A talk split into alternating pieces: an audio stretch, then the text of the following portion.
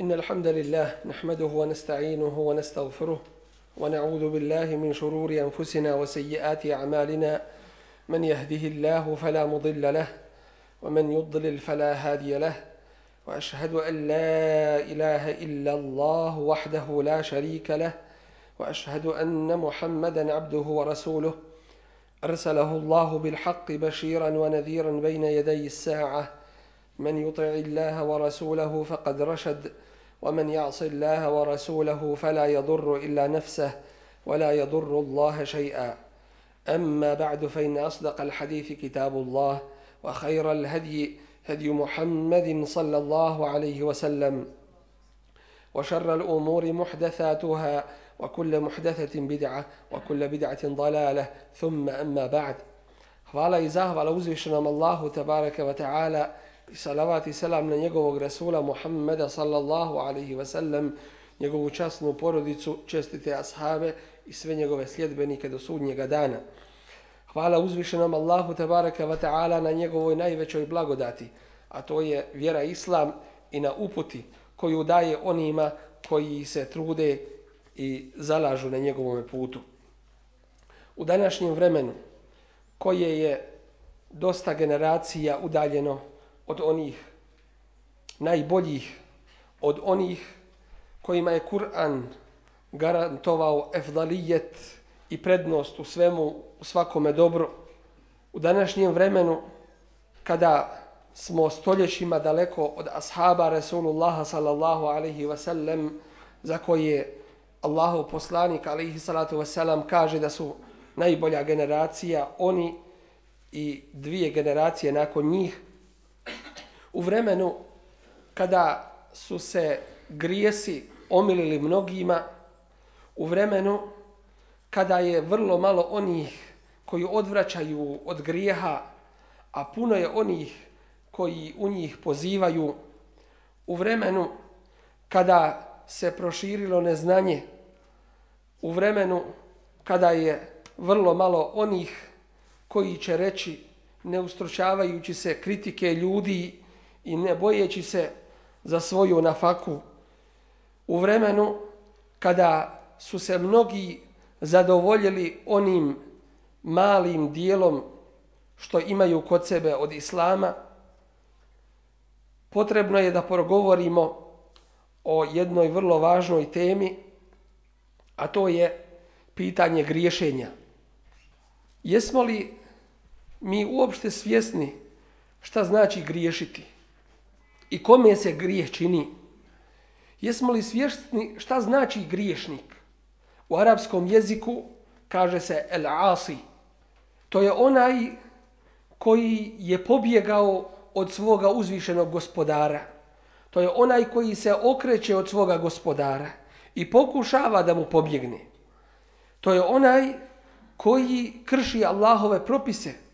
To je onaj koji, pored svega što mu ukazuje na kratkoću života ovoga svijeta, na kratkotrajnu, na kratkotrajno uživanje na ovome svijetu i vječnost ahireta i bliski njegov dolazak, na moć uzvišenog Allaha Đalešanuhu koji ga može u svakom trenutku kazniti.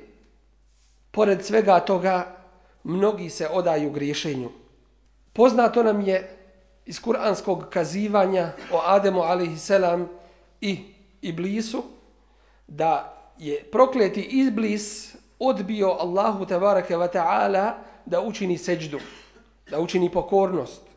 Zbog toga bio je proklet, zbog toga bio je protjeran iz, dže, iz dženneta, zbog toga zapriječeno mu je džehennemom i zbog toga izgubio je sreću i na ovome i na budućem svijetu. To je taj iblis koji je predstavnik svih griješnika. Taj koji poziva u griješenje Allahu te barake wa ta'ala i onaj komu se odaziva ide njegovim stopama. A uzvišeni Allah nam kaže وَلَا تَتَّبِعُوا خُطُوَاتِ الشَّيْطَانِ A nemojte ni pošto slijediti stope šeitanske. To jeste, nemojte ići putem šeitana koji je zadobio Allahovo prokledstvo time što se okrenuo od njegovih naredbi i što se uzoholio da mu bude pokoran. A onaj ko je pokoran uzvišenom Allahu tabaraka wa ta'ala u stvari tim izražava svoj potpuni ibadet Allahu dželle šanu.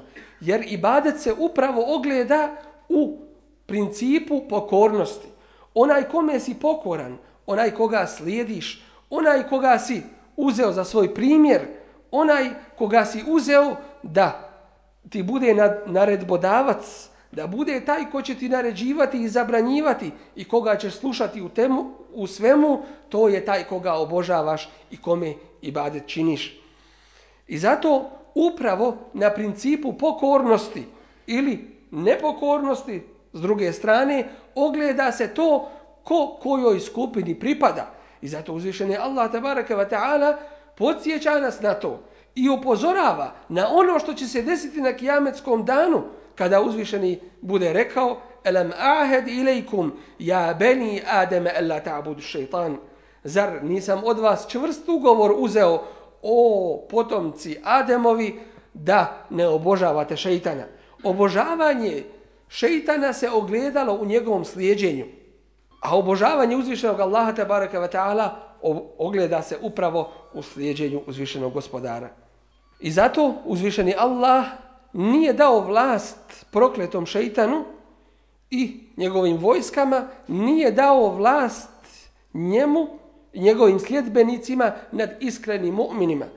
Kaže uzvišeni Allah, inna ibadi lejsa leke alejhim sultanun illa meni tebaake minel gawin.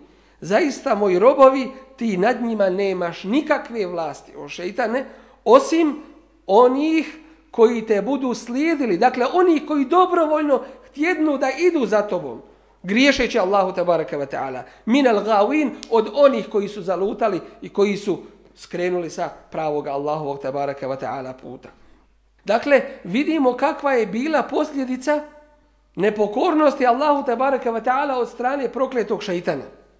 I takva je posljedica, takva je posljedica griješenja Allahu te bareke ve taala. Pogledajmo kako Resulullah alejhi salatu ve selam opisuje onoga koji ostavlja griješenje. Onoga koji se bori sa sobom da ide pravim putem, da ne skreće ni desno ni lijevo, da bude u pokornosti Allahu te bareke ve taala. U jednom hadisu Resulullah alejhi salatu ve selam takvog čovjeka naziva mudžahidom. A u drugom hadisu takvog čovjeka naziva muhađirom. A jedno i drugo vidjet ćemo da je od najboljih svojstava u islamu. U hadisu koga bilježi Tirmizija i Ahmed ibn Hibban, a spominje se u sahihu džamiju, kaže Resulullah sallallahu alaihi ve sellem, el muđahidu men džahede nefsehu fillah. Zaista je muđahid, borac na Allahovom putu, onaj ko se bude sa sobom borio u ime Allaha, tabaraka wa ta'ala. Dakle, uspiješ li sebe usmjeri da budeš pravim putem, ti si na putu toga džihada i te borbe na Allahovom tabaraka wa ta'ala putu. A u hadisu koga bilježi Buharija i Ebu Davud, kaže Rasulullah sallallahu alaihi wa sallam, el muslimu men selim el muslimune min lisanihi wa jedihi, wal muhađiru men heđara ma neha Allahu anhu. Musliman pravi je onaj od čijeg jezika i ruku su pošteđeni drugi muslimani, a pravi muđahir, a pravi muhađir je onaj ko ostavi ono što je Allah zabranio. Kaže Rasulullah sallallahu alaihi wa sallam u hadisu koga bilježi muslim La ahada agljara min Allahi ولذلك حرم الفواحش ما ظهر منها وما بطن ولا أحد أحب إليه ولا أحد أحب إليه المدح من الله تعالى nema nikoga da je u pogledu svoje vjere i nema nikoga da je ljubomorniji i da više čuva nešto od Allaha tabaraka wa ta'ala. I zbog toga je zabranio el fawahiše svaku vrstu zla i griješenja, bilo to da se ja, javno čini ili tajno. Ovdje se spominje bio da se čini javno ili tajno zato što je kod Arapa Zato što je kod Arapa bilo, bilo poznato ili prošireno da ako se grijeh učini tajno da on nije grijeh. A ako se učini javno da je on pravi grijeh. Svakako da je to svatanje pogrešno. Grijeh je kada se učini tajno i kada se učini javno, a veći je kada se učini javno. Jer u javnom griješenju je i pozivanje drugih na taj grijeh da ga čini. I nema nikoga da mu je draže da bude hvaljen od Allaha tabaraka wa ta'ala. Prenosi se od Omer ibn Abdul Aziza da je rekao inna afdala l'ibadati ada'u l'faraid wajtinabu l'maharim. Najvrijedniji i najefdalniji, najbolji ibadet jeste izvršavanje farzova i klonjenje harama. Dakle, čuvanje od harama. A Muhammed ibn Ka'ab al-Quradhi kaže Ma ubida Allahu bi še'in qattu ahabbe ilaihi min terkel me'asi. Nije ibadet činjen Allahu tabaraka wa ta'ala ni u čemu da mu je draže od ostavljanja griha.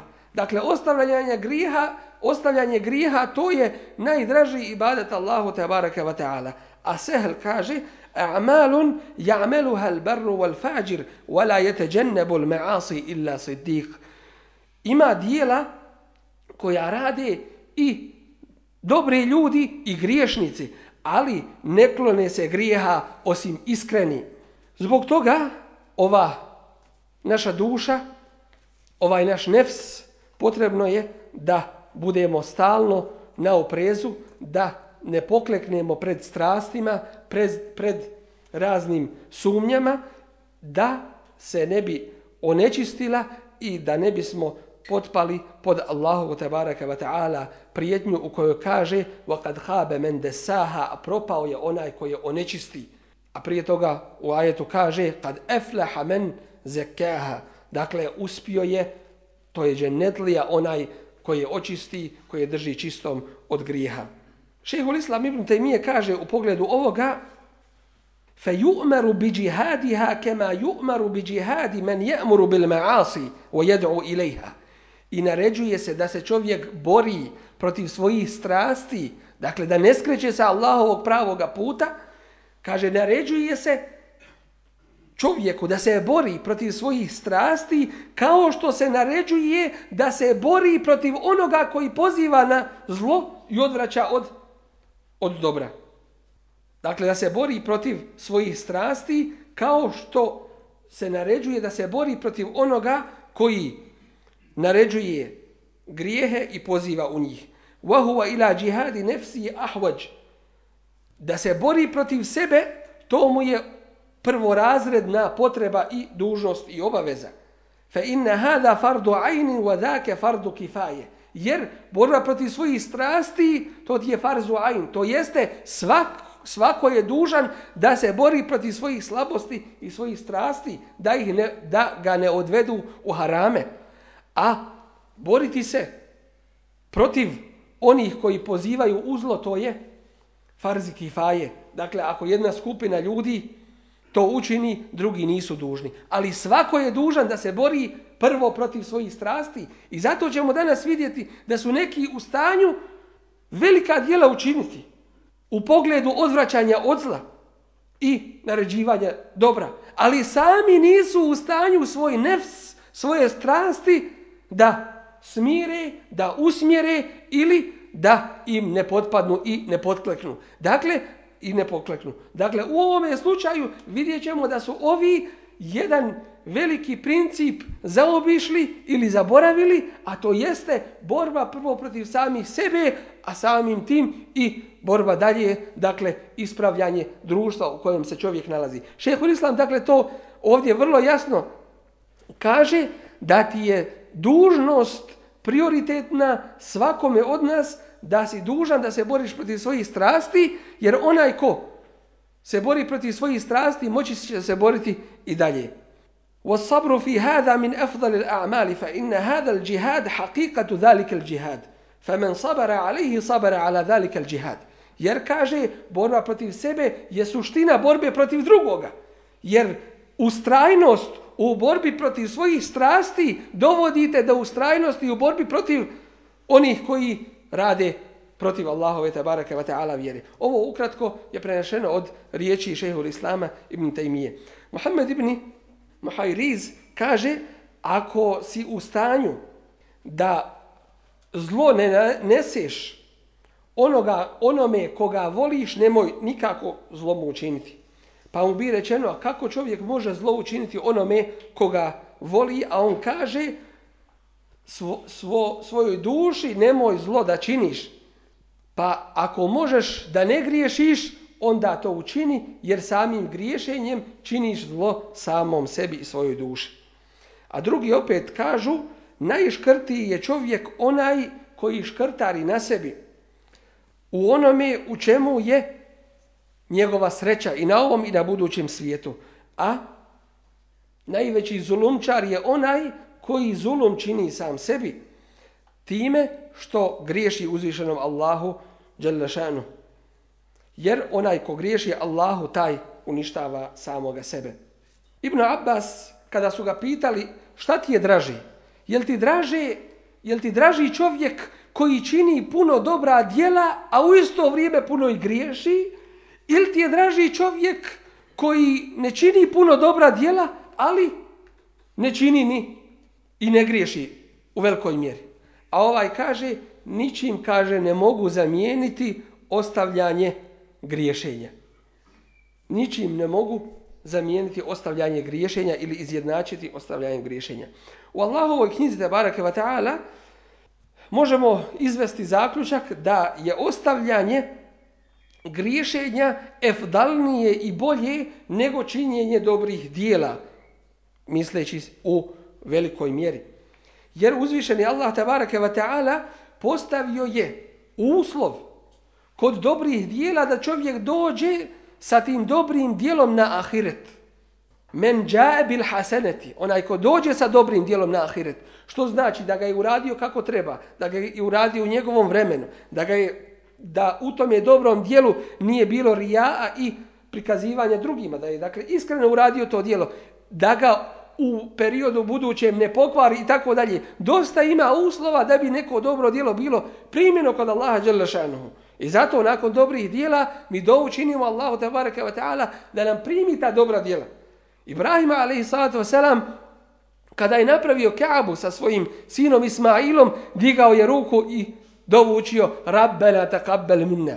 Bože ti meni ovu kabuli. Allah mu naredio da sagradi Bejtullah gradnja Allahove kuće je od najljepših i najboljih i najefdalnijih dijela. I on je Allahov poslanik, ali sve to nije ga učinilo da kaže ja sam postigao cilj, ja sam se zadovoljio ovim dobrim dijelom, već moli uzvišenog Allaha, to je taj ibadet, pokornost i poniznost pred uzvišenim Allahom, Đelešanu, moli ga da mu primi to dobro, da mu primi to dobro dijelo.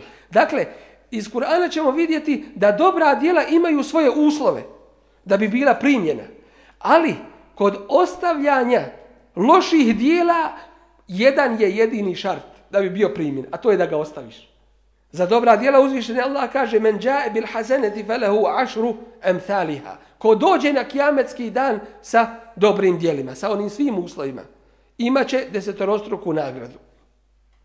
A u drugom ajetu kaže za griješenje wa nahan nefse alil hawa, ako bude svoj nefs i svoje strasti usmjerio i koji ih bude ko, koji im bude spriječio da rade ono što je zabranjeno fa innal jannata hijel al ma'wa takvo me je džennet stjecište. Dakle jedini uslov kod ovoga jeste ne griješenje i ostavljanje griješenja.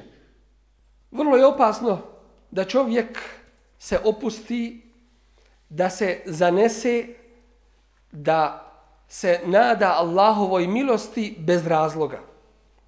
Prije su ljudi u najboljim generacijama ovoga ummeta bojali se grijeha. Jedan od njih, Enes ibn Malik, kaže Innekum la ta'amaluna a'malen hiya adakku fi a'yunikum min ash-sha'ri in kunna lana'udduha ala ahdi an-nabiy sallallahu alaihi wasallam al-mubiqat ovaj hadis prenosi Buharija. Kaže Enes ibn Malik, vi danas, generaciji koja je poslije njih, dakle tabi inima govori, vi danas radite dijela koja su tanja od dlake u vašim očima, a mi smo to brojali u vrijeme Božijeg poslanika, ali i sada salam, od stvari koje uništavaju čovjeka. Dakle, koliko su, iz ovoga vidimo koliko su se bojali griješenja i osobito ustrajnosti u tome griješenju. Bilal ibn Sa'id, od njega su prenesene njegove poznate riječi, la tanzur ila sigar il hati'e, walakin unzur ila men asajt. Walakin unzur men asajt. Ne gledaj u grijehe, u to što su oni mali, već gledaj u ono, gledaj koga si, kome si bio nepokoran. Dakle, gledaj u to što si Allahu Đelešanuhu bio nepokoran. Resulullah a.s. je svakako upozorio na ovo i rekao čuvajte se podcjenjivanja grijeha, jer se one sakupe na čovjeku dok ga ne unište. Zatim kaže, primjer toga je kao primjer naroda koji odsjednu na jednoj zemlji pa se raziđu da sakupe drva za vatre. Pa svako od njih donese po jednu grančicu, dok ne sakupe dosta granja i nalože veliku vatru. Ovaj hadis prenosi Ahmed. Dakle, od tih malih griha, kada se nakupe, bude velika vatra, dakle, bude veliko zlo. I zato se čovjek mora toga čuvati. A Awam ibn Haušeb, jedan od poznatih ljudi koji su se istakli po ibadetu, kaže četvero nakon grijeha je gore od grijeha. Četvero nakon griješenja je gore od griješenja. A to je smatrati grijehe koji su učinjeni malehnim. Dakle, ni podaštavati te grijehe. Zatim, zanositi se Allahovom milošću, a ne dolaziti te obe. Nadati se uzaludno džennetu, a ne imati razloga za to i ne imati uzroka za to i biti ustrajan u griješenju. Dakle, ovo četvoro je gore od samoga grijeha koji je, koji je počinjen. Jedan od pobožnih kaže, učinio sam grijeh, učinio sam grijeh nakon koga sam žalio i plakao 40 godina. Pa ga pitaju koji je to grijeh. Kaže, došao mi je gost, pa sam mu ispekao jednu ribu i nakon toga što smo pojeli, otišao sam do zida moga komšije i uzeo sam malo zemlje, jer je bilo, zidovi kuće su bila od čerpića, od zemlje, uzeo sam malo zemlje s njegove kuće da operem ruke. Dakle, od njegovog zida sam malo otkinuo zemlje i oprao sam od toga ruke. Kaže, i dan danas se toga bojim. Dakle, pogledajmo koliko su gledali i koliko su pazili na to da ne zgriješi Allahu te bareke ve taala jer su znali da koliko jedan trun dobra uradiš, vidjet ćeš ga, a koliko jedan trun zla uradiš, i to ćeš vidjeti na sudnjemu danu. Svakako da grijesi imaju svoje posljedice, a ovdje ćemo ukratko spomenuti samo neke. Od posljedica griješenja jeste da čovjeku bude zastrto znanje. Dakle, da mu bude onemogućeno dalje da stiče znanje. I zato imam i Šafija, kada se požalio svome učitelju Elvekiju na slabo pamćenje, on mu kaže, i ovaj u stihu prenosi šekeutu vakijan suha hifzi fa aršedeni ila tarkil ma'asi wa kale inna l'ilme nurun wa nuru Allahi la ju'ta lil-asi. Požalio sam se svome učitelju da slabo pamtim, pa, mi, pa me on uputi da ostavim griješenje i reče ilum to je Allahovo svjetlo, a Allahovo svjetlo ne daje se asiji, dakle griješniku. I zato prije su ljudi primjećivali na svojim učenicima, primje, primjećivali bi kada bi koji od njih učinio neki grijeh. Odmah bi primjećivali na njegovom znanju, na njegovom pamćenju, a kamoli na njegovom radu. A šta reći danas u vremenu kada su mnogi napustili učenje Kur'ana, kada su mnogi zaboravili sunnet Rasula alihi salatu wasalam, šta reći u vremenu kada se ne poznaje dosta od fikha, koliko je tih grija i koliko koje čovjek treba da sa sebe skine da bi mu bila otvorena puta, da bi mu bila otvorena vrata znanja. Isto tako od posljedica jeste da čovjek osjeti tegobu u svojim prsima i da osjeti udaljenost između sebe i uzvišenog Allaha Đelešanu. Od posljedica griješenja jeste da čovjeku teškim postaju njegovi poslovi. Da mu se vrata zatvaraju pred njim u onome što želi da učini i ostvari. Od posljedica griješenja jeste da čovjeku bude onemogućeno ili da se razlijeni da čini dobra djela dalje.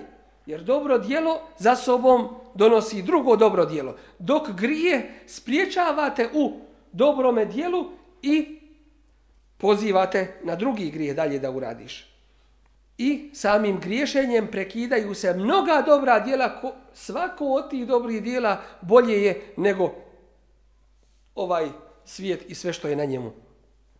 Od posljedica griješenja jeste ukidanje bereketa u vremenu, pa čovjek nema bereketa u vremenu i ne može puno toga uraditi što bi u uobičajenim prilikama mogao.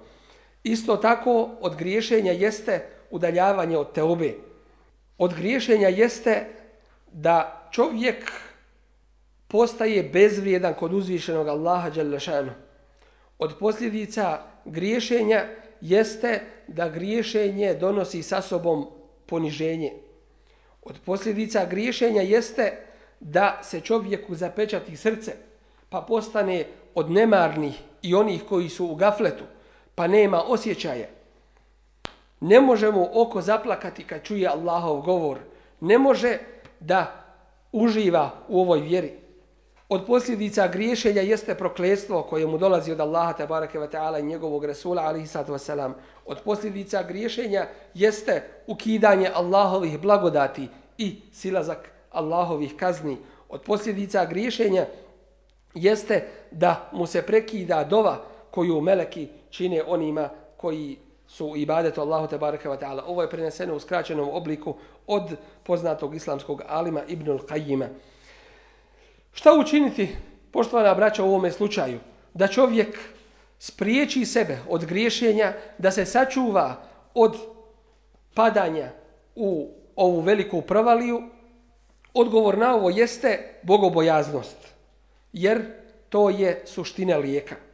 Zatim, iskrena te oba Allahu Đelešanu i dova i moljenje da uputi čovjeka da nam omili činjenje dobrih dijela, a da dadne da zamrzimo sva loša dijela.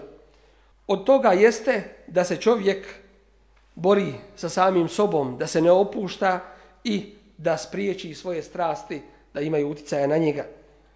Od toga jeste da čvrsto odluči da ostavi griješenje.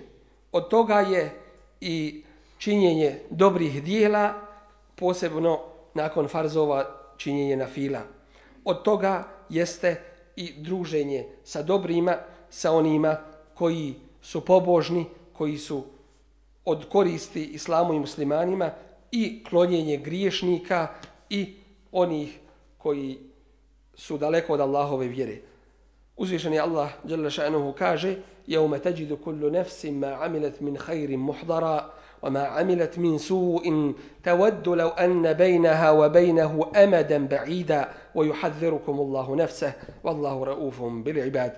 Na dan kada će svaka osoba naći ono što je činila od dobra, a ono što je učinila od zla, voliće da je između nje i njega veliko prostranstvo, Allah vas upozorava na sebe, a Allah je blag svojim robovima. Molim oprost sebi i vama. Molim uzvišenog Allahu Allaha tabaraka wa ta'ala da nam podari svoj rahmet i bereket, da nam dadne svaku svoju blagodat i da nas udalji od svakog zla i nevaljalštine. Molim uzvišnog Allaha tabaraka wa ta'ala da budemo iskrenom braćom onako kako on traži i zahtjeva, da nas uvede u džennete svoje milosti, da nas sačuva griha i griješenja, da nas sačuva svakog zla i nevaljalštine, da od nas udalji, udalji svako zlo i svaki porok, a da nam omili svako dobro, da mu budemo iskrenim i čvrstim vjernicima sa kojima je on zadovoljen. Amine, arhamar rahimin. Poštovani džemaate, uzvišeni Allah tabareke wa ta'ala stvorio je ljude sa tačno određenim ciljem. Taj cilj jeste obožavanje i ibadet uzvišenom Allahu tabareke wa ve taala i pokornost uzvišenom stvoritelju u onome što je naredio, što je propisao i u onome što je zabranio. Uzvišeni Allah tebareke ve taala iz svoje milosti prema čovječanstvu propisao je propise koji su sušta korist čovječanstvu i koji spriječavaju bilo kakvu vrstu zla. Čak i putevi koji vode do zla, oni su isto tako spriječeni i oni su isto tako ono čega se čovjek treba kloniti. Po samome usuli fikhu, čuvanje svega što vodi do grijeha je obaveza i dužnost i to se zove seddu dherija, dakle zatvaranje puteva griješenju i grijesima.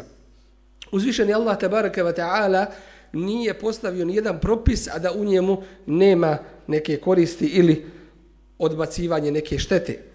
Vidjet ćemo da je uzvišeni Allah propisao propise, odredio granice i ljudi su dužni toga da se pridržavaju i da budu u skladu Allahovih tebareke wa ta'ala propisa.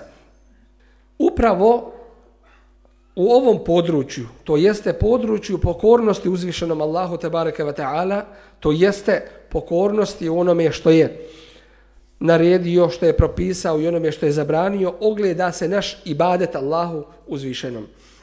U prošlom kazivanju govorili smo o pogubnosti grijeha i griješenja. O tome kakve sve loše posljedice griješenje za sobom nosi. Ovom prilikom nastavit ćemo sa tim kazivanjem, a to je, počet ćemo govoriti sa Allahovom tebareke wa ta'ala pomoći o tome šta nam je sve zabranjeno. Nekada zabrane dostižu stepen strogih zabrana ili harama, a nekada zabrane dostižu stepen mekruha ili nečega što je pokuđeno. Resulullah a.s. obuhvatajući jedno i drugo kaže ma nehejtukum anhu fentehu po drugom rivajtu feđteni buhu ono što sam vam zabranio toga se klonite ili toga se prođite dakle udaljite se od toga iskreni vjernik mu'min musliman nastoji i trudi se čuvati se kako velikih grijeha, kako harama, tako i pokuđenih stvari mekruha, jer sama ustrajnost u mekruhima dovodi do harama. I zato je pogrešno shvatanje nekih koji opravdavajući ono što čine kažu pa to je samo mekru, a nisu svjesni da velika vatra, kao što smo već prije napomenuli, da velika vatra bude od malih grančica koje se nakupe. Dakle, tako je isto i sa ovim mekruhima. I to nikako ne smije biti opravdanje nekome da ih može raditi samim tim što je to pokuđeno, a nije na, na velikom stepenu zabrane. Dakle, čovjek musliman koji razmišlja o svojoj budućnosti, a ta budućnost je ahiret koji je pred njim, koji razmišlja o tome da će odgovarati pred uzvišenim, pred uzvišenim Allahom tabaraka wa ta'ala, dužan je da se čuva kako velikih, tako i malih grijeha i da ih se kloni u potpunosti. Poslušajmo sada šta nam je uzvišeni Allah tabaraka wa ta'ala, a samim tim i njegov Resul alihi salatu wasalam, šta nam je zabranjeno u području akide, u području vjerovanja, a to je najvažnije područje kome čovjek musliman treba da obrati pažnju. Kao prvo, strogo nam je zabranjen širk uopšteno i radilo se to o velikom širku ili malom ili potajnom širku. Zabranjeno nam je da idemo gatarima i vraćarima i da im vjerujemo ono što nam oni govore. Zabranjeno nam je da koljemo nekome drugome u ime nekoga drugoga osim u ime Allaha tabaraka wa ta'ala. Zabranjeno nam je da govorimo na Allaha tabaraka wa ta'ala i njegovog Rasula alaihi salatu wasalam bez znanja. Dakle, po svojim prohtjevima, po svojim nagađanjima i pretpostavkama. Zabranjeno nam je da donosimo sud i da sudimo po nekom drugom zakonu i po drugim propisima mimo zakona Allaha tebareke ve taala i mimo njegovog šerijata. Zabranjeno nam je da nosimo razne privjeske, hamailije, za koje ljudi misle da ih one štite i da ih one čuvaju mimo Allaha tebareke ve taala. Od toga često ćemo naći među ljudima da se nosi hamailija za koju smatraju da štiti od uroka. A svakako da je ovo pitanje akidecko, dakle iz akide ovo je pokuđeno i ovo je u svakom slučaju i haram zabranjeno, strogo zabranjeno u islamu. Isto tako zabranjeno nam je po islamu činiti sihr i tražiti od drugoga da sihr čini. Radilo se to o želji da se rastave dvije osobe ili da se druge dvije osobe sastave, bez obzira o čemu se radilo, korištenje sihra je strogo zabranjeno i veliki, veliki grijeh i haram. I nikako nije dozvoljeno sihrom otklanjati sihr, već za to postoje šerijatski propisi i šerijatski način liječenja. Zabranjeno nam je baviti se gatanjem i vraćanjem i pripisivanjem sebi svojstava uzvišenog Allaha tebareke ve ta'ala, a on jedini zna gaib i on jedini zna tajne nebesa i zemlje i ono što će sutra biti. Zabranjeno nam je vjerovati u uticaj zvijezda, da zvijezde imaju neki uticaj na ljude, kao što često danas nalazimo u ljudima, da među ljudima da čitaju razne vrste tih gatki, kao što je horoskop i tako dalje, želeći kroz to uticajem zvijezda pronići u budućnost, pronići u gajb koji zna jedino Allah te bareke wa ta'ala. Dakle, zabranjeno je strogo vjerovati u uticaj zvijezda, planeta i tako dalje, da one dakle imaju neki uticaj na život ljudi i na događaje na zemlji. Isto tako zabranjeno je smatrati da neke stvari imaju uticaja korisnog na čovjeka mimo onoga što uzvišeni Allah te bareke ve taala nije propisao. I sami lijekovi, dakle, i sami lijekovi nisu ti koji liječe. Uzvišeni Allah je ljekar, uzvišeni Allah je taj koji daje lijek i do, koji liječi ljude i koji određuje sve, a lijekovi bivaju samo uzrokom. I onaj ko smatra da ga lijekovi liječe, i ko se oslanja na te lijekove mimo Allaha tabaraka wa ta'ala, dakle vidimo u tome da čini jednu veliku grešku i da čini jednu nepravilnost. Lijekovi bivaju samo uzrokom, a nikako onim ko utiče neposredno na izlečenje. Isto tako zabranjeno nam je u pogledu akide da razmišljamo o Allahu tabaraka wa ta'ala, to jeste o njemu kakav je on. Jer mi Allaha tabaraka wa ta'ala dokučiti svojim znanjem i prije toga svojim pogledima ne možemo. I zato razmišljanje o Allahu kakav je on zabranjeno je po islamu, već treba da razmišljamo o Allahovom stvaranju i onome što je uzvišenje Allah tabaraka wa ta'ala dao i stvorio kako bi se naš iman uvećao, kako bismo bili bolji mu'mini i kako bismo mu se bolje pokoravali. Zabranjeno je čovjeku da umire na drugi način osim na način da ima najljepše mišljenje o Allahu tebareke ve taala. Dakle dužnost imati dužnost je muslimanu imati najljepše mišljenje o svome gospodaru tebareke ve taala. Zabranjeno je muslimanu da ikome donese presudu da je on od stanovnika džehennema ili da ga proglašava kjafirom bez šerijatskog dokaza. Dakle, zabrana proglašavanja nevjernikom onoga za koga nemamo šerijatskog dokaza da jeste to. Zabrana psovanja vremena, jer uzvišen je Allah tabaraka wa ta'ala je taj koji je dao vrijeme i koji ima uticaj na vrijeme i daje da se ono kreće. I samo psovanje vremena i ružno izražavanje o vremenu znači da je to u stvari psovanje onoga i ružno izražavanje o onome koji je dao da postoji to vrijeme. Isto tako zabrana raznih vrsta gatanja ili smatranja da nešto ima loš uticaj na čovjeka.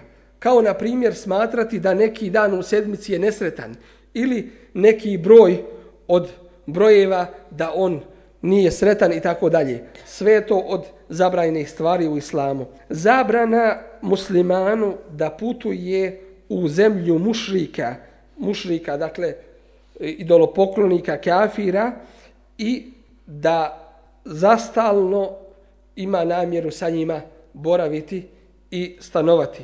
Dakle, zabrana po islamu je da čovjek živi sa kafirima, da bude sa njima u prisnome životu, u stalnom boravku, osim pod šerijatskim opravdanjima, koja jesu šerijatska opravdanja, a nikako samo dunjalučka. Isto tako stroga zabrana da prihvatamo Allahove neprijatelje za svoje prisne prijatelje, da se sa njima potpomažemo, da se sa njima dogovaramo, da im izražavamo svoju ljubav i tako dalje mimo mu'mina, radilo se to o bilo kome. Dakle, radilo se to o bilo kome mimo iskrenih vjernika mu'mina. Radilo se to o židovima, kršćanima, idolopoklonicima, međusijama, radilo se to o budistima, o bilo kojim pripadnicima bilo kakvih vjera, uzimati ih za prisne prijatelje, sarađivati sa njima prisno, dogovarati se mimo mu'mina i to je strogo zabranjenih stvari. Isto tako u islamu je navedena zabrana da čovjek kvari svoja dijela samim tim što se ljudima prikazuje i želi uljepšati svoja dijela pred ljudima, isto tako prigovorom za dobro koje je učinio ljudima. U islamu je navedena i zabrana da čovjek putuje negdje da bi na tome mjestu posebno ibadet činio. Osim tri mjesta koja su u hadisima navedena. Dakle, tu je dozvoljeno čovjek masus da putuje, a to je u Mesjidul Haram, u Mekki, na Kea, u Keabu, zatim El Mesđidin Nebevi, Mesđid Allahovog poslanika, ali sad sam u Medini, i El Mesđidul Aqsa, to je Mesđidul Aqsa u Kudusu.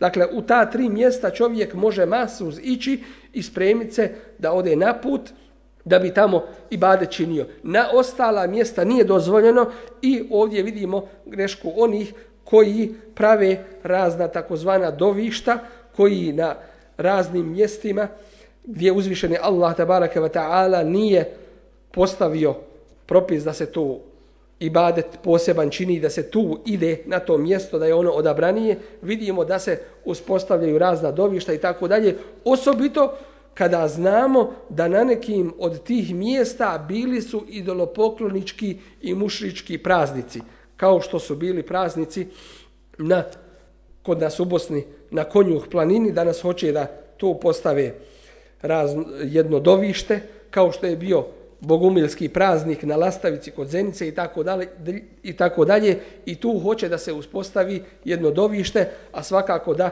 je to po islamu strogo zabranjeno ići na mjesta ibadeta nekih drugih mimo muslimana ili odabirati neka mjesta i smatrati ih da su ona odabranija od drugih i masu na njih ići. Isto tako u islamu nam je sa kideckog područja zabranjeno strogo da, bra, da gradimo na grobovima. Dakle, da pravimo na grobovima nešto. Kao što su spomenici, kao što su turbeta i tako dalje. Bilo šta graditi na mezarima, to je po islamu zabranjeno. Isto tako još žešća je zabrana da se ta mjesta uzimaju za bogomolje da se, dakle, na mjestu gdje je neko od ljudi ukopan, da se na tome mjestu napravi bogomolja, da se napravi džamija i da se tu klanja. To je strogo zabranjeno i da se tu postavljaju svjetiljke i tako dalje. Ono sve što nalazimo od običaja među ljudima, a suprotno je islamskim poučavanjima. Isto tako zabranjeno je u pogledu akide, da čovjek bilo šta ružno govori o ashabima Božijeg poslanika, alihi salatu wasalam, ili da raspravlja o onome što se među njima dešavalo i da sudi jednima i da ih osuđuje. Već nama, kao onima koji su došli poslije njih, ne ima dozvole o tome da govorimo o tim najboljim generacijama. Isto tako zabranjeno nam je da govorimo i raspravljamo o kaderu, jer je to Allahova tebaraka wa ta'ala tajna koju ne možemo prozreti i u, ko, u suštinu čega ne možemo ući. Isto tako strogo nam je zabranjeno da raspravljamo o Kur'anu i da raspravljamo o kuranskim pitanjima, o kuranskim ajetima bez znanja. Isto tako zabranjeno je muslimanima da sjedem sa onima i među onima koji raspravljaju o Kur'anu po batilu, po neistini. Dakle, ne želeći saznati istinu, već raspravljaju da bi jedan ajet suprostavili drugome kako bi opravdali ono što oni rade. Zabranjeno nam je među takvim i sa takvima sjediti. Isto tako zabranjeno nam je posjećivati bolesnike, one koji su se upustili u raspravu o kaderu, koji, koji su se, dakle, koji su došli sa teškim bidatima i teškim novotarijama, tako da su počeli raspravati o kaderu, nijekati kader i tako dalje. Dakle, takve, one koji su zagazili u te teške bidate, zabranjeno nam je da ih posjećujemo i da prisutujemo njihovim dženazama i da izražavamo e, ta'ziju takvima. Isto tako zabranjeno nam je da gledamo u knjige kafira i onih koji su došli sa novotarijama, osim onim koji su učeni da bi mogli odgovoriti na to i da bi mogli pojasniti istinu i odvojiti istinu od neistine. Isto tako zabranjeno nam je da javno govorimo o kafirskim božanstvima ako postoji mogućnost i opasnost da će ti kafiri odvratiti nama istom mjerom pa svojim džehlom i svojim griješenjem ružno o Allahu te barake wa ta'ala ako će govoriti. Dakle, iako mrzimo ta božanstva koja, koja oni obožavaju mimo Allaha te barake wa ta'ala i iako nam je dužnost da se protiv toga borimo, ali ako postoji mogućnost da će samim tim našim riječima drugi nam odgovoriti istom mjerom i istinu napasti, onda je bolje u tome slučaju da se ustegnemo do trenutka dok ne mognemo taj munker ukloniti u potpunosti kako Allah tabaraka wa ta'ala zapovjeda. Isto tako u islamu nam je u akidi zabranjeno, u području akide zabranjeno nam je da slijedimo razne puteve i da se razilazimo u našoj vjeri. Naša vjera je jasna el halalu bejin wal haramu bejin. Halal je jasan i haram je jasan. Onaj ko hoće da haram ohalali ili da oharami halal, takav treba puno da govori i takvome treba puno da raspravlja kako bi iskrenuo istinu. Inače istina je jasna i zato zabranjeno nam je da slijedimo svakojake puteve koji nisu zasnovani na Kur'anu i Sunnetu i da se razilazimo i da se razilazimo u našoj vjeri. Isto tako zabranjeno nam je da uzimamo Allahova tebareke ve taala ajete za igru i zabavu. Dakle da olako shvatamo Allahova tebareke ve taala ajete. Kad nam se kaže kuranski ajet da preko toga prelazimo kao da nismo čuli. Kaže se za Omera radijallahu anhu koji je bio primjer u čestitosti kaže se da je bio waqaf inda hududillah da je stajao kod Allahovih granica ili inda ajatilla, da bi stajao kod Allahovih ajeta da je bio u ne znam kakvoj srđbi kada bi mu se spomenuo kuranski ajet on bi, on bi stao tu. Dakle prihvata neprikosnoveno Allahovu knjigu i sunnet Rasula alaihi salatu wasalam Isto tako strogo nam je zabranjeno da dozvoljavamo ono što nam je Allah dželle šanuhu haram učinio. Ili da zabranjujemo ono što je Allah šanuhu halal učinio. Isto tako zabranjeno nam je da se poklanjamo i da seđu činimo bilo kome mimo Allaha tebareke ve ta'ala.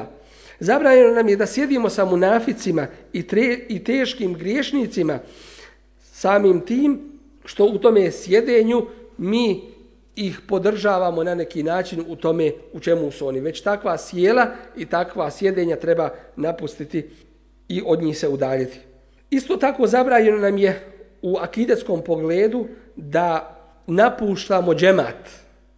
Strogo nam je zabranjeno da napuštamo džemat, a džemat to je sve ono i svaka skupina ili svako onaj koji se slaže sa istinom. Dakle, onaj koji je na istini, to je taj džemaat.